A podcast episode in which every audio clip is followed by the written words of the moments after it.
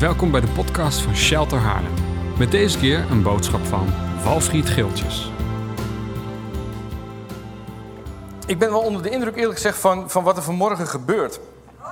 Ehm, en dat komt ook omdat ik... Ik weet waar ik over ga spreken. en, eh, maar Rebecca die wist, eh, die wist dat niet. En eh, Rebecca die, die las Psalm 95 voor. Ik ook, dat, dat is bijna een soort samenvatting van mijn boodschap. En, en wat, wat er net gebeurde... Eigenlijk, ik weet niet hoe, je het hebt ervaren, maar het was best een beetje een raar moment. Hadden op een gegeven moment hadden we uh, lofprijs en dan tijd van aanbidding. En dan, dan kiest Wesley ervoor om die switch te maken weer terug naar lofprijs. En um, het was een uitnodiging ook voor om iedereen om daaraan aan, aan, aan deel te nemen, zeg maar. En ik, ik, ik stond dan net te denken, oh, maar dit is uh, eigenlijk een heel mooi profetisch beeld van wat ik vanmorgen wil gaan delen. En ik ga je nog niet verklappen wat, maar dat wordt je straks, als het goed is, allemaal, allemaal duidelijk. Dus ik denk dat je het echt heel goed hebt gehoord om, om, die, om die switch te maken. Zeg maar van juist die intimiteit, het, het, het bijzondere moment, aanwezigheid van God, daar zijn en dan lofprijs. En uitbundige lofprijs, zeg maar, het, dansen. Oké, goed. Ik hou je het nog even spannend over wat ik, waar ik het over ga hebben. um, ik wil eigenlijk eh, vanmorgen beginnen um, met Jesaja 6, vers 1 en 2. We gaan heel wat lezen, dus de beamer, die, uh, geen achter de beamer, die heeft het druk vanmorgen. We gaan heel wat teksten gaan we lezen, maar dat uh, komt helemaal goed. Jesaja 6, vers 1 en 2 en staat... In het sterfjaar van koning Uzia zag ik de Heer gezeten op een hooggeheven troon, hoogverheven troon. En de zoon van zijn mandel die vulde de hele tempel. En boven hem stonden seraafs. En elk van hen had zes vleugels. En twee om het gezicht en twee om het onderlichaam te bedekken. En twee om mee te zingen. En zij riepen elkaar toe: Heilig, heilig, heilig is de Heer van de hemelse machten. Heel de aarde is vervuld met zijn majesteit. Heilig, heilig, heilig is de Heer. Vanmorgen wil ik het hebben over de heiligheid van God. En over wat die heiligheid nou eigenlijk betekent voor ons als mens. Heilig, heilig, heilig is de Heer. Wat betekent heilig? We zingen het regelmatig op zondag. En we doen onze handen omhoog en zeggen: Heer, u bent heilig, u bent heilig, heilig, heilig. En soms is het wel goed om even stil te staan, maar wat, wat zingen we nu eigenlijk? Wat is nou de betekenis van het woord heilig? En misschien heb je daar een idee bij. En ik moet eerlijk zeggen, ik, had daar, ik heb daar ook wel een, ook langer tijd, en het is ook zeker daar onderdeel van, een, een, een idee bij. En dat, dat, dat is een, het woord over puur zijn, over volmaakt zijn, zeg maar, over rein zijn. Dus God is heilig, hij is rein, hij is puur, hij is, hij is volmaakt. En hoewel dat absoluut onderdeel is van zijn heiligheid, is heiligheid wel veel meer dan alleen maar dat. Het zijn twee verschillende woorden. Ik heb het even opgezocht. Ik wil even checken, klopt dat echt? Maar het woord voor zuiver en voor puur, dat is het woord tahore. En dat is dus een heel ander woord dan het woord wat gebruikt wordt voor heilig, namelijk kadosh. En kadosh is veel groter dan alleen maar hij die puur is of hij die zonder fout is. God is veel meer dan een moreel perfect persoon. Hij is heilig. Een heilig kadosh, dat betekent apart gezet. De God die, is, die apart is gezet. De God die zo totaal anders is dan welke andere God dan ook. Wat las Rebecca net voor? Psalm 95. Even kijken.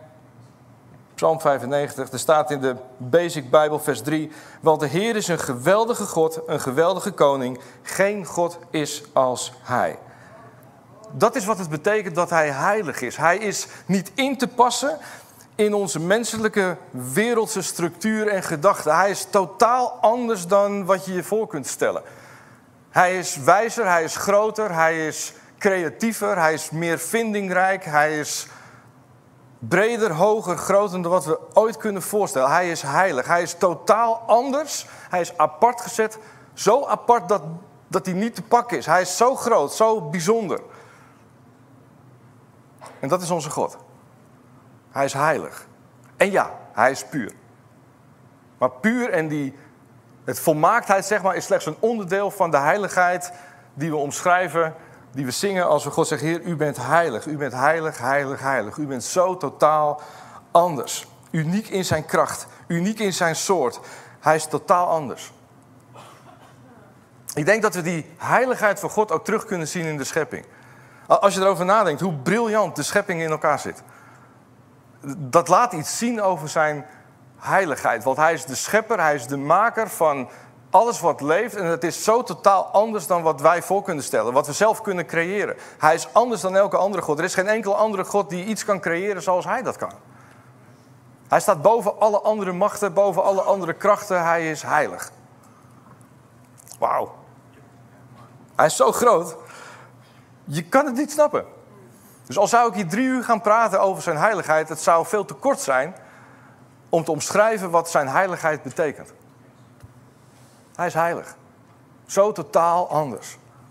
En wat doet nou die heiligheid met ons als mens? En ik wil eerst beginnen van wat deed nou de heiligheid met God voor de mens die leefde voor het nieuwe verbond? Wat deed die heiligheid met mensen die leefden in, in dit geval, wat wij kennen als het Oude Testament? En ik wil je daar een heel mooi voorbeeld van geven. Zoek maar even met me op of kijk naar het scherm. Dat is makkelijker. Exodus 3, vers 1 en 6. Daar vinden we het verhaal van Mozes. Ik ga het je zo voorlezen. Eerst even een slok. Zo. Ik krijg er een droge mond van. Mozes 3, vers 1 en 6. Er staat, Mozes die was gewoon om de schapen en de geiten van zijn schoonvader Jethro, de Midjanitische priester, te wijden. En eens dreef hij de kudde tot voorbij het steppenland. En zo kwam hij bij de Horeb, de berg van God. En daar verscheen de engel van de Heer aan hem in een vuur dat uit een doornstruik ontvlamde. Mozes zag dat de struik in brand stond en toch niet door het vuur werd verteerd. Hé, hoe kan dat, dat die struik niet verbrandt, dacht hij. Ik ga het wonderlijke verschijnsel eens dichterbij bekijken. Maar toen de Heer zag dat Mozes dat ging doen, riep hij hem vanuit de struik: Mozes, Mozes. Ik luister, antwoordde Mozes. Kom niet dichterbij, waarschuwde de Heer. En trek je sandalen uit, want de grond waarop je staat is heilig. Ik ben de God van je vader, de God van Abraham, de God van Isaac en de God van Jacob. En Mozes die bedekte zijn gezicht, want hij durfde niet naar God te kijken. Dit is wat er gebeurde met Mozes. Hij zag die brandende struik. En ik, hé, hey, wat raar, hij verbrandt niet. Gaat erheen. En God die waarschuwt hem. Hij zegt, kom niet dichterbij. Wat zou er gebeuren als Mozes was doorgelopen? Hij zou het niet hebben overleefd. En hoe komt dat? Omdat God heilig is. Hij, God is zoon van een totaal andere orde dan Mozes. Hij zegt, wij kunnen niet bij elkaar komen, Mozes. Dat gaat niet. Ik ben van een andere orde. Ik ben van een, een andere dimensie die we niet zomaar kunnen verenigen met z'n tweeën. Dus God die waarschuwt Mozes, kom niet dichterbij, doe je schoenen uit, want de grond waarop ik sta, dat is heilig. En het uitdoen van zijn schoenen was een, een daad van eerbied en ontzag en, en gehoorzaamheid. Heer, ik, ik, wil u, ik wil u eren. Het was een daad van respect en daarom deed hij zijn schoenen uit. Maar wat Mozes dus ervaarde, is dat de heiligheid van God, dat creëerde een afstand tussen hem en God. Het was onmogelijk om bij die heilige God te kunnen komen, want hij was totaal anders dan Mozes. Het is het, een beetje het idee als je als mens de uitnodiging krijgt om een hoogspanningskabel aan te raken. Gaat ook niet werken. Dat ga je niet overleven. Want het is van een andere orde. Het is van we zijn niet gemaakt uit elektriciteit. Dus het is van een andere dimensie. Om dan je hoogspanningskabel aan te raken, dat zal het laatste zijn wat je doet. En ik geloof dat, dat Mozes, toen hij die struik zag, dat hij wist van, oh, als ik nog maar één stap dichterbij doe, dan zou dat wel eens mijn laatste stap kunnen zijn, want God is zo heilig, Hij is zo anders. Het, het, ik kan niet dichterbij komen dan dat. De heiligheid van God, die veroorzaakt een afstand tussen God en Mozes. Ik begon het te lezen in Jesaja 6, vers 1 en 2. Laten we eens verder lezen wat er staat. Want echt een, een ontzettende mooie openbaring die Jesaja krijgt. Het is weer even, ik ga even opnieuw beginnen in het jaar van koning Uzia. Bla, Hij zag op een hoge troon en onder, uh, een onderhand van kant van zijn kleed. Die vulde de hele tempel. Er stonden engelen boven hem. Enkel, en, en al die engelen die hadden zes vleugels. Twee voor hun gezicht. Twee bedekten hun voeten. En twee uh, vleugel, uh, vleugels die, die, die vlogen ze. En de engelen die riepen tegen elkaar. Heilig, heilig, heilig is de Heer van de hemelse aarde. Machten. En er staat er, de aarde is vol van zijn schitterende macht en majesteit. En ze riepen zo luid dat de deurposten van de tempel ervan beefden. En ook was de tempel vol met rook. En toen riep ik uit, zei Jesaja, help, ik ga dood. Oh, dat lijkt wel een beetje op Mozes. Hij ziet de heiligheid van God. En hij realiseert zich, oh, dit is zo groot. Dit, is, dit, is, dit, is, dit kan het niet omschrijven. Maar als ik dichterbij kom, dan doodt het mij. Jesaja die heeft dezelfde ervaring als Mozes. Hij zegt, oh, ik ga dood, zegt hij. Even kijken. Ehm, even zien. Help, ik ga dood. Want ik, ik ben een mens uit wie geen enkel goed woord komt. En ik hoor bij een volk waar geen enkel goed woord uitkomt. En nu heb ik de koning gezien, de heer van de hemelse legers. Maar een van de engelen die vloog naar mij toe. En hij had in zijn hand een tang met een stukje gloeiende houtskool dat hij uit het vuur op het altaar had genomen. En hij raakte met de gloeiende houtskool mijn mond aan. En toen zei hij: Let op, deze houtskool heeft je mond aangeraakt. Nu zijn je mond en je hart schoongebrand. Alles waarin je ongehoorzaam aan God bent geweest, is weggedaan en vergeven. Wow. Wat een bizar visioen wij, wij, lezen dit, nu 2024, als gewoon een verhaal. Maar stel je voor, Jesaja, die wist niet beter dan dat als je als een onrein persoon iets reins aanraakt, dat dat reine onrein werd. En hij wist niet beter dan als je aangeraakt wordt of te dichtbij komt bij de heiligheid van God, dan moet je dat bekopen met de dood. Daarom zegt hij ook wel, help, ik kan u niet aanraken, want ik, ik ga dood. Het was een reële angst, dat, is, dat was normaal. Dat was hoe het werkte. Maar nu zag hij iets gebeuren wat totaal nieuw was. Ik, ik kan me voorstellen dat toen Jesaja wakker werd, dacht hij, dacht, oh, heb ik dit nou zelf gedroomd of was dit echt een droom van de Heer? Want dit is zo vreemd. Want wat gebeurde nou? Tot die tijd was het niet anders dat als je de heiligheid van God aanraakte, dat je dat moest bekopen met de dood. Maar nu was het die heilige kool die hem naar hem toe kwam, hem aanraakte, niet vernietigde, maar veranderde. Bizar. Bizar. Ik kan me voorstellen dat Jesaja s ochtends aan de koffietafel, terwijl hij in zijn koffie aan het roeren was, dacht van, ik moet even goed een moment bedenken om dit aan mijn vrienden te vertellen. Want het zou zomaar kunnen zijn dat ze zeggen, nou Jesaja, dit is wel zo'n bizar voorbeeld dit kan niet van de Heer zijn. Maar het was wel van de Heer. Laten we eens verder lezen. Snap je hoe bizar beeld het was wat Jesaja had gekregen? Hij werd aangeraakt door iets heiligs van de Heer. En het veranderde hem in plaats van dat het hem doodde. Laten we verder bladeren. Handelingen 10, vers 38. We maken een grote stap. En er staat hoe God Jezus uit Nazareth gezalfd heeft met de Heilige Geest en hem kracht en hoe hij het land doorgegaan is terwijl hij goed deed en allen die door de duivel overweldigd werden genas, want God was met hem. Jezus, de Zoon van de Heilige, die ging rond door het land en hij raakte mensen aan die onrein waren, die niet volmaakt waren. En wat gebeurde er op het moment dat hij hen aanraakte? Ze veranderden. Jezus was die gloeiende kool. Het profetische beeld van Jesaja over die gloeiende kool, de heiligheid van God die naar je toe komt, je aanraakt en je verandert, dat was een beeld van Jezus. Jezus die ging rond. Hij was niet ergens dat hij zich afzonderde en dat er afstand creëerde tussen zijn heiligheid en de mens, maar hij zocht de mensen op. Hij zocht juist die mensen op die onrein waren. Hij raakte ze aan en ze veranderden. Jezus demonstreerde eigenlijk wat Jesaja had gezien. Jezus is die gloeiende kool. En een prachtig mooi voorbeeld daarvan, dat vinden we in Marcus 5, vers 25. Misschien ken je dit verhaal. Dat gaat over het verhaal van de, de vrouw die ziek is, al heel lang. Ik ga hem je voorlezen. Onder hen was ook een vrouw. Dus Jezus die gaat rond. En hij raakt allerlei mensen aan die onrein zijn, die ziek zijn, die niet puur zijn. Hij raakt ze aan. En ze worden veranderd. En er staat er in Marcus 5, vers 25. Onder hem was ook een vrouw die al twaalf jaar aan bloedverlies leed. Ze had veel ellende doorgemaakt door de behandeling van allerlei artsen. Aan wie ze haar hele vermogen had uitgegeven zonder dat ze ergens baat bij had gehad. Integendeel, ze was er alleen maar op achteruit gegaan. En ze had gehoord over Jezus. En ze begon zich tussen de menigte en ze raakte zijn bovenkleed van achteren aan. Want ze dacht, als ik alleen zijn kleren aan kan raken, zal ik al gered worden. En meteen hield het bloed op te vloeien en merkte aan haar lichaam dat ze voorgoed van de kwaal genezen was.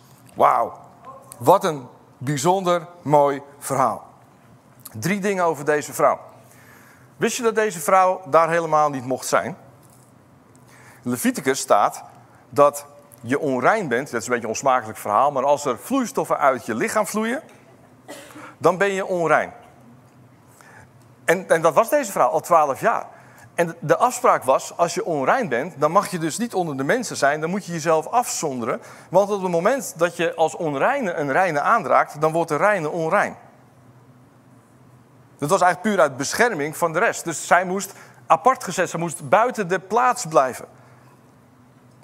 Maar ze kiest ervoor om haar moed bij elkaar te verzamelen, de stad in te gaan, tussen de mensen door, op zoek naar Jezus. Op zoek naar, op zoek naar Jezus. Het was verboden voor haar om daar te zijn. Ik kan me zo voorstellen dat zij ergens ook wel bang was om deze keuze te maken. Dat zie je ook wel, want als Jezus op een gegeven moment later vraagt van... hé, hey, wie heeft me aangeraakt? Dan zie je dat ze bang wordt. Dan zegt Jezus, wees niet bang. Ze, ze was angstig, want haar geloofsopvoeding had namelijk geleerd... als je als onreine iets reins aanraakt, dan wordt het reine onrein. En ze had namelijk nog iets geleerd van Mozes en van de schreeuw van Jesaja onder andere. Als je de heilige aanraakt, dan zul je dat mogelijk bekopen met de dood. Dus het zou zomaar kunnen zijn dat ze dacht van oké, ik neem een gok. Het kan zomaar zijn dat als ik hem aanraak, dat ik het moet bekopen met mijn leven. Maar ze wist, ik ben onrein. Ik had eigenlijk daar moeten zijn, maar ik kies ervoor om in geloof Jezus op te zoeken en zijn mantel aan te raken. En wat was haar ervaring? Ze stierf niet, maar ze werd veranderd omdat de heilige haar aanraakte. Wat een verschil. Wat een verandering. Ze werd veranderd omdat ze de heilige aanraakte. En weet je wat zo mooi is?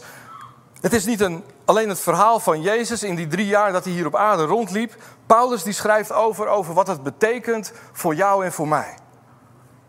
Ik ga het heel snel met je doorlezen. Tenminste, ik ga het even noemen, want anders duurt het te lang. Maar ik geloof, nou ja, komt ie. Colossense 1, vers 13 en 15. Daar staat dat wij zijn overgebracht. Oh, daar staat hier, we zijn overgebracht in het uh, even kijken hoor. Hij heeft ons gered uit de macht van het duisternis. Hij heeft ons overgebracht in het koninkrijk van, van zijn zoon. Hij heeft ons overgebracht. Hij heeft ons apart gezet. Hij heeft ons een andere plek gegeven. We zijn van de ene plek naar de andere plek verplaatst. Dat is wat Paulus zegt. Hebreeën 10, vers 10. We zijn voor altijd geheiligd. Denk even aan, geheiligd is niet alleen maar volledig puur, maar geheiligd is dat je apart gezet bent. Je bent voor eens en voor altijd geheiligd. Je bent apart gezet. Hebreeën 10, vers 14. Je bent voor goed tot volmaaktheid gebracht. Wow, je bent voor goed tot volmaaktheid gebracht. 2 Korinthe 3, vers 6. Je bent geschikt gemaakt om het nieuwe verbond te dienen. Dat is wat Paulus zegt. Maar als je, als je dit even opsomt. Je bent overgeplaatst van het rijk van de duisternis naar het rijk van zijn zoon. Je bent geschikt gemaakt om het nieuwe verbond te dienen. Je bent geheiligd en tot volmaaktheid gebracht. Dat is een omschrijving van je bent een heilige. Je bent een heilige. Dat is wat Jezus heeft gedaan. Hij heeft jou tot een heilige gemaakt. Hij heeft jou geschikt gemaakt om het nieuwe verbond te dienen. Denk nog even aan Mozes. De heiligheid van God veroorzaakte een afstand tussen Mozes en God. En wat zien we hier gebeuren? Dat de heilige, de geest van de. Denk er even over na. Weet je, we zeggen het soms zo makkelijk, maar denk even goed na wat ik hier zeg. De heilige, de God die al totaal anders is, die zo heilig is dat Mozes daar niet in de buurt kon komen. De geest van die heilige, die woont nu in jou. Hoe dichtbij wil je hem hebben? Kan niet dichterbij komen dan dat? Wat een verandering. Wat, wat een mega verandering heeft Jezus teweeggebracht.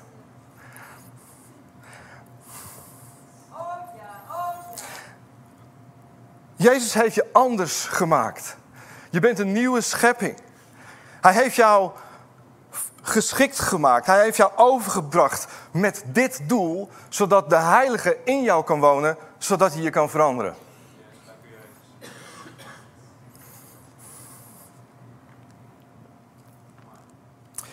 1 Korinther 6, vers 9 en 11. 1 Korinther 6, vers 9 en 11. Daar staat: Vergis u niet, ontuchtplegers, nog afgodendienaars, overspeligen, schandknapen, knapenschenders. Wat zijn dat dan? Dieven, nog geldwolven, dronkaards, lasteraars, nog uitbuiters zullen deel hebben aan het koninkrijk. Het is hier van een hele opzomming met allemaal slechte dingen. Die, zij zullen geen deel hebben aan het koninkrijk van God. Sommigen van u zijn dat ooit geweest, maar u bent gereinigd, u bent geheiligd, u bent rechtvaardig verklaard in de naam van de Heer Jezus en door de geest van God. Dit is wat Paulus schrijft. Vraag je. Denk je werkelijk? Dus, dus Paulus die, die, schrijft een brief aan een gemeente. En hij zegt, oké, hij noemt een opsomming van allemaal slechte dingen. En hij zegt, eens was u ook zo, maar nu bent u geheiligd, rechtvaardigd en anders gemaakt, zeg maar. Je bent apart gezet. Je bent een nieuw soort mens geworden. Je bent een nieuwe schepping. Dat is wat, wat, dat Paulus zegt. Maar, maar denk, je nou, denk je echt dat Paulus tot in detail wist wat er in het privéleven gebeurde van die hele gemeente waar hij aan schreef? Denk je dat elk gemeentelid uit deze kerk, die die brief ontving en las, dat ze never nooit meer worstelden met lust, met drank, met macht of met geld. Denk je dat Paulus dat in zijn hoofd had? Dat hij een brief schreef naar een groep volmaakte mensen die nooit worstelden met e-, enig, enige vorm van wat dan ook? Ik geloof het niet. Ik geloof wat Paulus doet, is dat hij die gemeente wijst op wat Jezus heeft gedaan en welke verandering die teweeg heeft gebracht. Namelijk, je bent overgeplaatst van het rijk van de duisternis naar het rijk van zijn zoon. Je bent geheiligd, je bent een rechtvaardige, je bent geschikt gemaakt om een nieuwe verbond te dienen. Dat is waarom Paulus dit kan schrijven. Paulus zou die brief ook aan jou kunnen schrijven. En misschien dat je zegt, ja, maar ik ben niet helemaal puur. Ja, maar dat, dat zal zo zijn, maar dat neemt niet, niks af van wat Jezus heeft gedaan. Daar ga ik straks nog wat over vertellen. Dus wat Paulus doet, hij zegt, je bent een heilige, je bent een rechtvaardige, je bent nieuw gemaakt en geschikt gemaakt voor het nieuwe verbond. Dat is wie je bent. Ik wil dit uitleggen, want ik zie allemaal vraagtekens. En dat is goed, ik wil hem uitleggen. Weet je, er zijn verschillende visies op heiliging. En ik wil je een, een aantal noemen. Aan deze kant, ik ga even een drie, uh, drie stap maken. Aan deze kant, dat is de visie die gelooft dat, ja, ik ben heilig, maar toch niet helemaal. Deze kant is een groep die gelooft dat heilig worden, dat dat een proces is. En eigenlijk focussen op die eerste paar zinnen van Paulus. En ze kijken vooral naar de dingen die nog niet helemaal zuiver zijn en puur zijn. En zegt, kijk, ik worstel nog met lust of ik worstel nog met drank of weet ik veel wat. En dat is het bewijs dat ik nog niet heilig ben. Dus heilig worden, dat is eigenlijk een levenslang proces om af te leggen en af te leren alles wat niet goed is. En steeds een beetje beter, heiliger te worden. En eigenlijk wat deze mensen geloven, is dat het gaat weer terug eigenlijk naar het leven onder het oude verbond. Eh, het gaat weer eigenlijk weer terug naar hoe Mozes God ervaarde, namelijk over de heilige God die afstand creëert tussen de mens. Want ik ben niet goed genoeg. Ik doe fouten. En die moet ik eerst oplossen, die moet ik eerst opruimen voordat, voordat ik weer bij die God kan komen. Voordat ik in verbinding kan staan met Hem. Aan de andere kant, een andere visie, een tweede visie, die richt zich niet op het eerste gedeelte van Paulus, maar die richt zich op het tweede gedeelte van Paulus, namelijk ik ben een heilige. Punt. En die zegt ja, er is helemaal geen proces meer nodig, want God heeft gezegd ik ben een heilige en dat is wie ik ben. dus ik hoef niet heilige te worden, ehm, dat ben ik al voor de volle 100%. Het probleem hiermee is, is dat het kan veroorzaken dat mensen gemakzuchtig worden met zonde. Dus dat ze maar er op maar op los leven, want alles is genade. Ze kunnen ook de heiligheid van God eigenlijk wordt een beetje gezien als iets heel goedkoops. Van nou ja, ik ben geheiligd en dat is wie ik ben en ik ben goed genoeg en ik hoef niet meer te veranderen. Maar ik geloof dat er een, een tussenvorm is. Een middenvorm, een alternatief. En het alternatief dat zegt, ik ben heilig voor de volle 100% en ik mag leren om die realiteit uit te leven in mijn leven. Ik ben 100% heilig. 100%.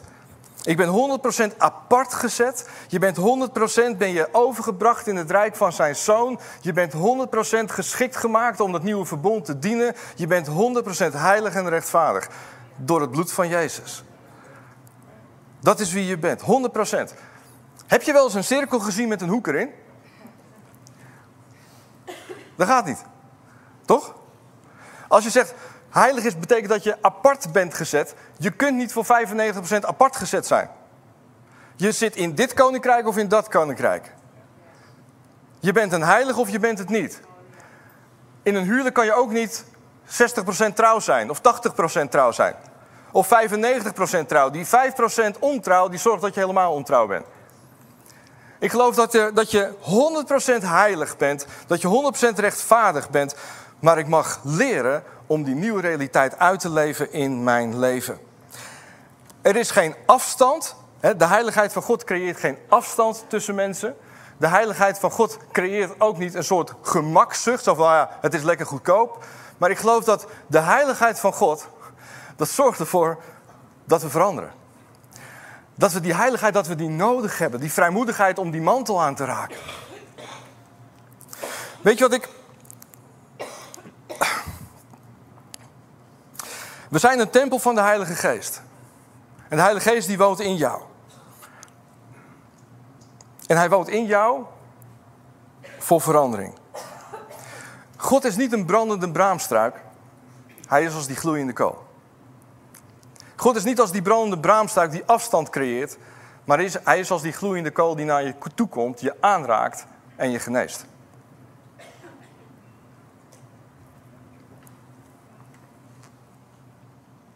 Weet je ik zo mooi van die brandende braamstruik? Mozes die zag die struik en die stond in de fik. Maar hij verbrandde niet. En, en dat was wat zijn interesse trok. Hij zag die struik, die zag die branden, maar die struik die verbrandde niet. Hij dacht, wat is dit? Ik geloof dat dit een profetisch beeld is voor ons. Als Mozes in die tijd naar ons keek en hij wist uit zijn eigen ervaring, als ik dicht bij de heiligheid van God kom, dan sterf ik. Maar in de toekomst zag hij mensen waar de geest van de heilige inwoont, van mensen die onvolmaakt zijn. En hij dacht, hoe, hoe kan dat? Hoe kan de geest van de heilige wonen in mensen die onvolmaakt zijn, ervoor zorgen dat ze toch niet doodgaan, maar dat ze leven? Het is een beeld van die brandende bruimstruik die Mozes zag. Weet je, als we te maken hebben met onzuiverheden in ons leven, en die hebben we denk ik allemaal. Weet je, dan kun je ervoor kiezen, zeg ook, ik heb die onzuiverheden, die moet ik opruimen, die moet ik oplossen, want er is afstand gekomen tussen mij en God. Je kunt er ook lichtzinnig over doen en gewoon lekker doorgaan en je er niks van aantrekken. Maar ik geloof de uitnodiging die er ligt, is dat ik met mijn onzuiverheden in geloof de heilige aan mag raken. En zeg, Heer, ik heb uw heiligheid nodig verander mij. Dat ik net als die vrouw, dat je naar die vrouw toe mag gaan, terwijl je er eigenlijk niet eens had mogen staan. Ja, je, je was onrein om die zoon van Jezus aan te raken. Van Heer, verander mij. En daar is geloof voor nodig. Daar is geloof voor nodig. Blijf niet op afstand, maar grijp de mantel. Grijp die mantel van de heilige. En daar hebben we geloof voor nodig. Weet je, God is niet veranderd. Hij is de heilige hij is de onzagwekkende, hij is een allesverterend vuur. Dat is hij nog steeds. Hij is nog steeds dezelfde. weet je wat het wonder is? Is dat die heilige, de God die totaal anders is als dat je zou verwachten, ervoor heeft gekozen om in gebroken vaten te wonen. En met jouw scheuren ben je geschikt gemaakt om het nieuwe verbond te dienen. Dit is als je dit snapt, is er dan enige ruimte om geen ontzag te hebben voor de heiligheid van God. Dat de heilige God, de, de God die zo totaal anders is, die kiest ervoor om in een gebroken vat te wonen. En met al die scheuren die je hebt, ben je uitermate geschikt gemaakt om Hem te dragen. Is er een andere reactie mogelijk dan eerbied, ontzag en dankbaarheid voor de heilige die zo totaal anders is als dat je zou verwachten. Mozes trok zijn schoenen uit als een, als een daad van eerbied en ontzag. En ik geloof dat het ook een beeld is van ons. Dat we onze schoenen, onze sandalen uit mogen trekken. En zeggen van Heer, wat een wonder. Wat een wonder. Uw heiligheid creëert geen afstand. Heer, uw heiligheid is niet goedkoop. Heer, maar ik wil niks liever dan uw heiligheid omarmen en vasthouden. En zeggen, Heer, ik heb uw heiligheid nodig. En daarom geloof ik ook wat er net gebeurde, dat het zo profetisch was. Want het was een intiem moment. En tegelijkertijd was het gezellig en leuk. Weet je, het is alsof je danst met degene die je kan vernietigen.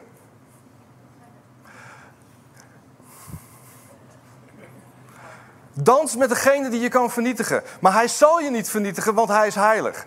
Hij is zo totaal anders dan je zou verwachten. Oh ja, misschien heeft hij het recht. Misschien zegt hij, ja, maar ik zie nog zoveel onpuurheid. Maar we mogen dansen met degene die ons kan vernietigen, want hij is heilig. En dat is een, een contradictie wat eigenlijk niet goed bij elkaar past, maar dat laat iets zien over opnieuw over de grootheid en over de heiligheid, de bijzonderheid van God. Hij koos ervoor om in een gebroken vat zoals jij te wonen. En ondanks jouw scheuren ben je uitermate geschikt gemaakt om hem te dragen. Snap jij het? Ik niet. Maar hoe mooi is het? Hoe mooi is het? Wat een verandering tussen de afstand die Mozes ervaren en Jezus die laat zien, maar ik ben die gloeiende kool. En als ik onreinheid zie, als ik onpuurheid zie, dan zoek ik je op. Niet om je te veroordelen, maar om je te veranderen. We hebben die aanraking van Jezus hebben we nodig. God is niet veranderd, maar wij zijn veranderd. Hij heeft ons anders gemaakt, zodat we Hem kunnen dragen en die verandering kunnen ervaren in ons leven. Misschien wil de band naar voren komen. Ik wil afsluiten. En ik had net al gevraagd aan Lo, ik hoop dat het gelukt is. Om straks een lied te zingen, Majesty.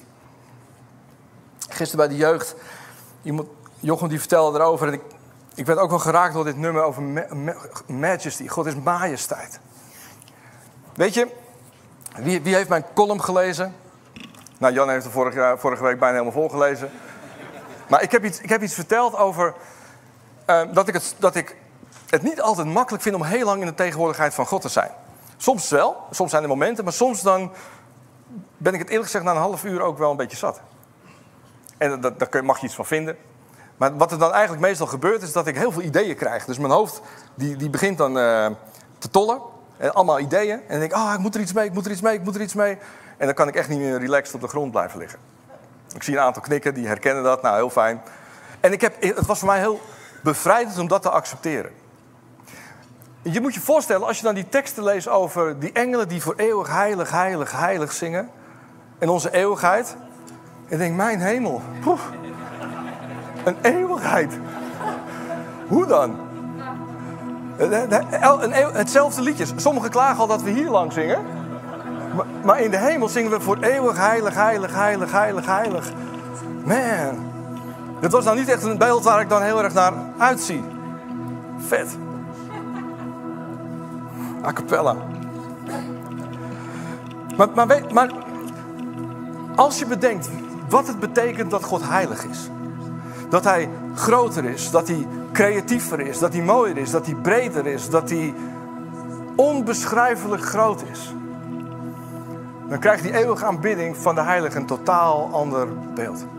Want het betekent dat je van moment op moment je zult verbazen. Dat je verrast zult zijn elke keer als hij een klein laagje jou laat zien over hoe hij de wereld heeft gemaakt. Als hij je ontvouwt wat zijn geweldige mooie verlossingsplan voor de mensheid, dat in één keer al die muntjes beginnen te vallen. Dan is elk moment is een moment van, ach, u bent heilig. U bent zo anders dan ik dacht. U bent groter, u bent mooier, u bent creatiever. Je gaat geuren ruiken die je nog nooit hebt geroken. Je gaat kleuren zien die je nog nooit hebt gezien. En niet één keer, maar elk moment weer opnieuw nieuwe kleuren. Het is een beweging, golf na golf na golf, van creativiteit, van leven en van verbazing. Als God je laat zien hoe de kwantummechanica, waar we nu hier nog helemaal niks van snappen, maar wat Hij tot in de detail begrijpt, als hij je dat onthult en laat zien. We hebben een eeuwigheid nodig om ons elke keer weer opnieuw te verbazen over zijn grootheid. En dan wordt de eeuwigheid een fantastisch feest. Laten we gaan staan met elkaar. En, ik bid echt dat je op dit moment, dat je dat je gewoon uit volle enthousiasme de Heilige kunt aanbidden. Heer, dank u wel. Dank u wel voor uw oneindige hoeveelheid creativiteit. Golf na golf na golf na golf. Er komt geen einde aan. U heeft kleuren bedacht die nog nooit gezien zijn. U heeft ideeën die nog nooit bedacht zijn. Heer, de hele schepping tot in detail. Heer, we weten nog maar een fractie, maar u zal het. Elk moment zult u het onthullen. Laag na laag na laag na laag na laag. En we zullen ons verbazen keer op keer opnieuw. Want dat is onze God. Waarom? Want Hij is heilig. Hij is totaal anders dan welke God dan ook. Een aantal mensen zijn al begonnen, gewoon met aanbidden. Ik zul je gewoon vragen, de muziek die begint langzaam te spelen, maar begin gewoon met God aanbidden. Heer, dit is wie u bent. Heer, wat ben ik dankbaar dat de geest van die heilige God, dat die in mij woont. Heer, dat hij me ook wil op deze aarde opnieuw weer ideeën wil geven, creativiteit wil geven. Heer, nieuwe oplossingen wil geven voor problemen. Dat ik net als u die gloeiende kool mag zijn, die de wereld ingaat voor verandering. Heer, dank u wel, Heer Jezus. Dank u wel, Heer Jezus. We eer u, we prijzen u. Heer, u bent groot. U bent groot dan ik ooit had kunnen denken, Heer. Laten we hem aan bidden. Laten we hem aan dingen bidden. Dank u, Jezus. Majesty. Oh, ja, dat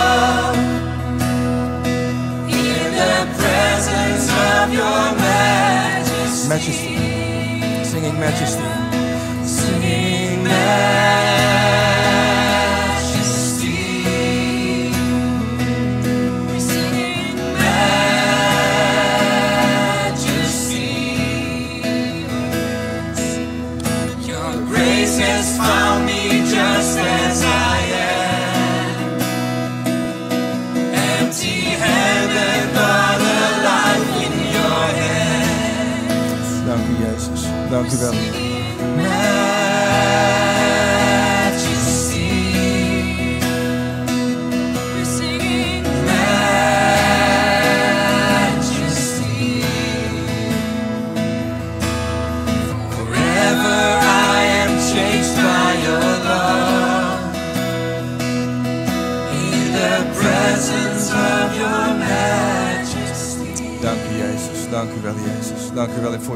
Dank u wel, Heer, dat u de Heilige bent.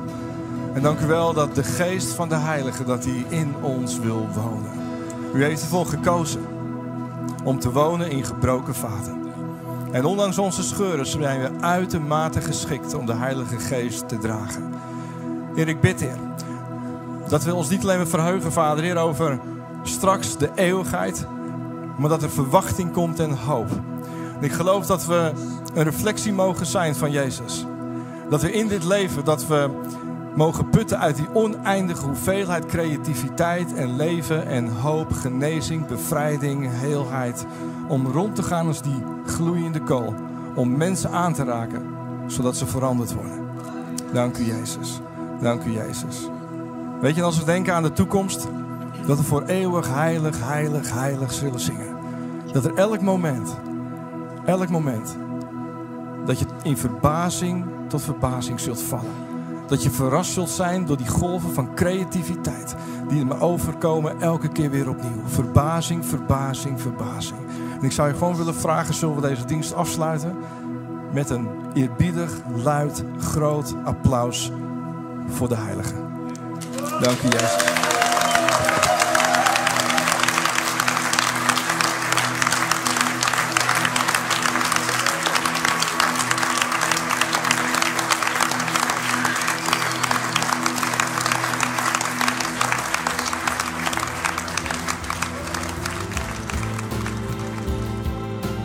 Voor het luisteren naar onze wekelijkse podcast. De missie van Shelter is Gods Koninkrijk zichtbaar maken in onze wereld. Wil je onze gemeente financieel ondersteunen in deze missie? Ga dan naar www.shelter-haarlem.nl geven.